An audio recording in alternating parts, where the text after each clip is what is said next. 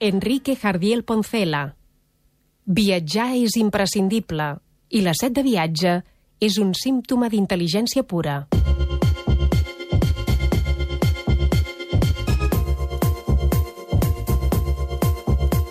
Una de les experiències més gratificants que hi pot haver és viatjar en família, viatjar amb els nens. Jo podria dir que de les meves experiències que he tingut al llarg de la meva vida, els darrers 40 anys o en els darrers més anys, ha estat precisament aquesta, de viatjar amb els nens. Entenc records realment extraordinaris.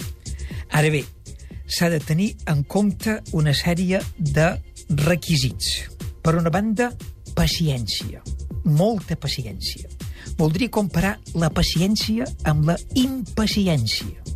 La impaciència és un estat emocional que predisposa a una resposta d'ira. Es posant nerviosos, ens enfadem i responem amb ràbia. La paciència és la regulació emocional de la impaciència i està relacionada amb l'amor.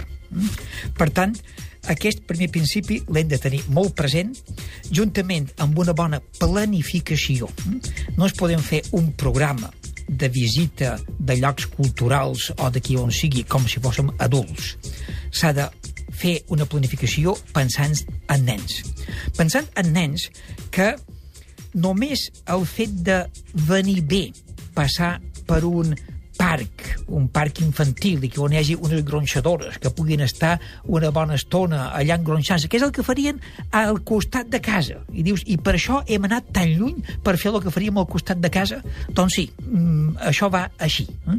perquè ells necessiten treure a fora les seves inquietuds i necessitats pròpies dels nens. Però, si tenim aquests principis en compte, en podríem afegir alguna més. Jo afegiria, per exemple, el viatjar.